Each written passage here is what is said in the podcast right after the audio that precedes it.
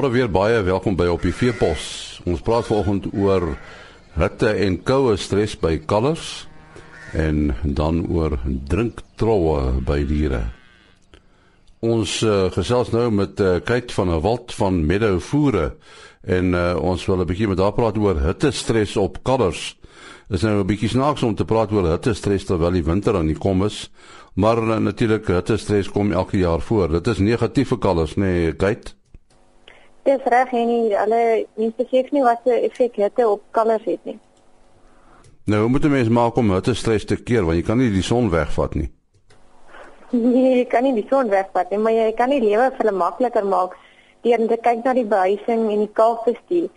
Byvoorbeeld stappe wat jy kan doen is byvoorbeeld om gas oor die kalfhokke te sit of 'n uh, sinkdak oor die dat die son nie op die kalvers kom nie. Jy kan sorg dat die hokke gedraai is dat hy lugvloei konstant deurvloei dat daar so koeligheid deur die hokke kan gaan. Ek kan vars water gee, jy moet dit gereeld skoonmaak, vars daaglikse voere, die regte kalfvoer gee en alles om die, vir die kalfie dieete stres minder te maak. Wat is die effek van hitte stres op kalvers? Die effek van hitte stres op kalvers kan groot effek hê as die kalf in nog in die baarmoeder is en die koei is geblootgestel aan uh, hitte stres dan kan sy die kalf vroeër gebore word en die kalf het swakker weerstand as gevolg van die kolostrum. So dit kan wees dat die kalf nie ten volle kan groei tot na eerste laktasie nie. Maar as 'n kalf doodgestel is aan hitte stres na die geboorte, dan kan dit ook wees dat die kalf nie ten volle kan groei nie en dan kan dit gebeur dat jy nie dit die kalf kan dek op 13, 15 maande nie, maar eerder dan op 22 tot 24 maande dek. So jou kapitaal gaan eers later um, kan plaasvind vir jou. So dit is eintlik 'n nadeel vir jou bestuur. 'n Vraag wat baie mense vra is die kleur van die kalf. Uh so moet sê 'n 'n witterige kalf teenoor 'n swart kalf, is daar 'n verskil?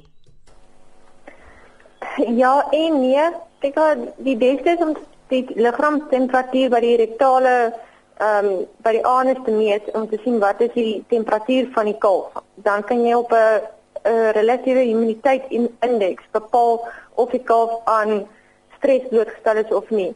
Maar ons almal weet swart trek hitte aan en wit bloot hitte weg die sonstrale maar ek sal sê die beste is om te kyk wat is die rektale temperatuur van die kalf en dan kan jy besluit of die kalf onder hitte stres blootgestel is ongeag of die kleur kalf wit of swart of bont is. Nou, en wat wat is die verskil tussen hitte stres en koors? Hitte stres is basies is verwant aan die omgewing en koors is dit baie hoër temperature en dis meer vatbaar aan siektes.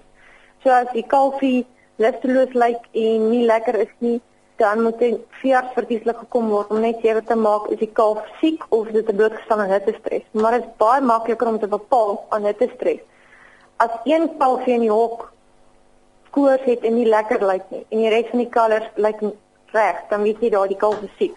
Maar as al die kalvers staan en lusteloos is en hys en sweet en daar toename waterinname, dan weet jy dit is omgewingsstres en nie 'n siekte stres nie. Nou ons het gesê ons is uh, besig om in die winter in te gaan. Daar is natuurlik so ding soos koue stres. Koue stres ja. Ehm um, veral daar in die binneland waar dit lekker warm of baie uiters koud raak en sneeu, kan dit ook baie nadeel vir die kalfies. En is dit ook maar behuising wat 'n mens moet verskaf? Ja, die behuising moet uiters belangrik wees.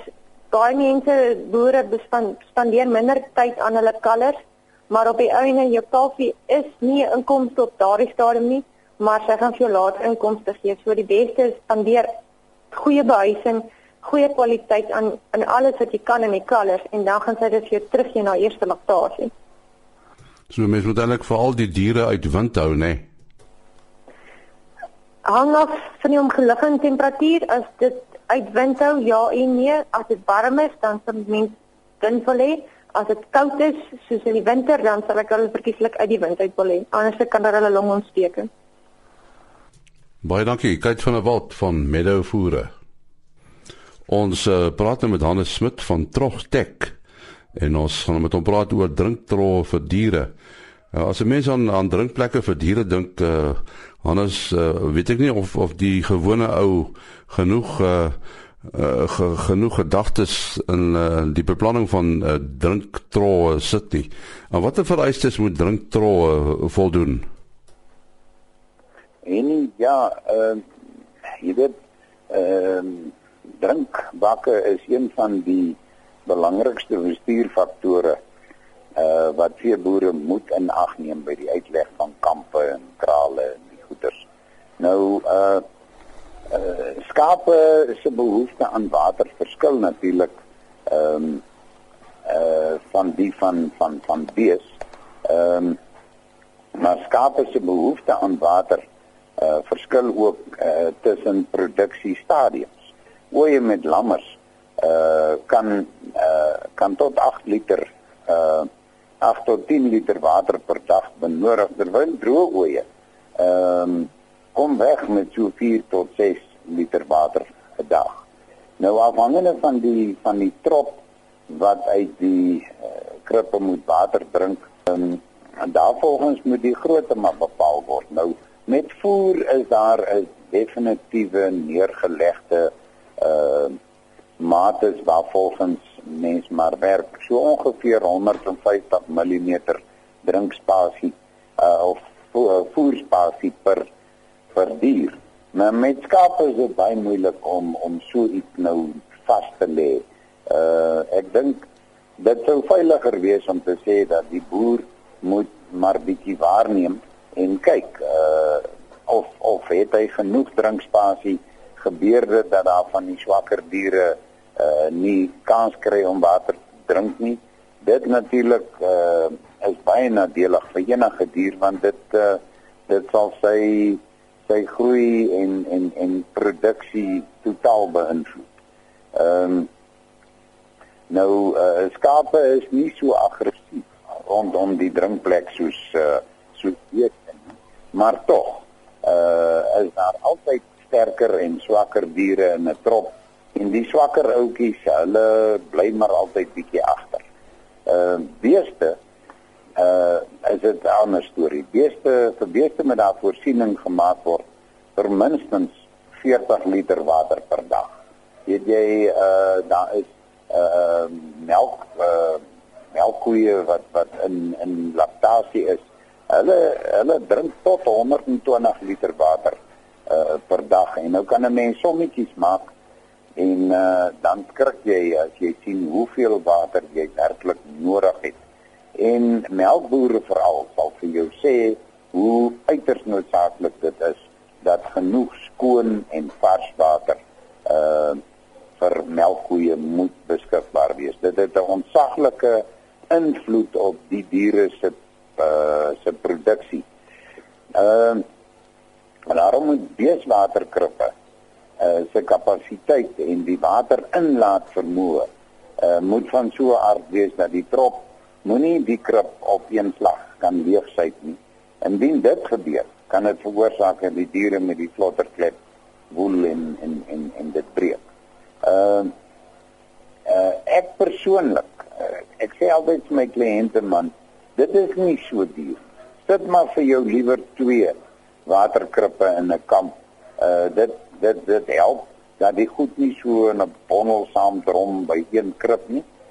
Uh veral by beeste dan daar word daar word maar gestamp en gestoot en ehm uh, ehm uh, jy weet daar kan daar kan 'n mens nou as 'n voorbeeld kan jy liewer ehm uh, twee krippe in 'n kamp plaas wat elkeen 400 liter water hou as een wat uh, wat 800 liter water hou uh, by 'n by 'n trop van byvoorbeeld of 100 of 120 uh uh koeie met met met kalvers.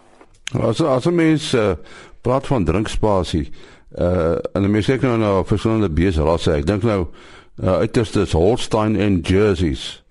Die boer moet maar waarneem. Hy moet maar 'n bietjie in sy bakkie gaan stil sit en kyk wat gebeur rondom die krib en besluit is hier genoeg? Het ek nog 'n krib nodig? Kry al die diere genoeg water? En uh en die die die die soort van van goeders daar's niks uh wat wat kan wat beter werk as 'n boer se eie waarneming. Hannes, wat is jou telefoonnommer? Ehm uh, enige ehm uh, ja, hulle kan vir ons, hulle kan vir ons skakel by ons kantoornommer 057 355 1151 of anders Daarvol is ons bemarkingsman, hulle kan met hom praat by 082 855 3445. En dan natuurlik ons ons webblad is net troftek.co.za. Dit was uh, Hannes Smit van Troftek. Dis ook die einde van op die veepos. Onthou, die program word elke weekoggend om 4:45 uitgesaai hier op RSG. Tot môre dan, mooi loop. Ah.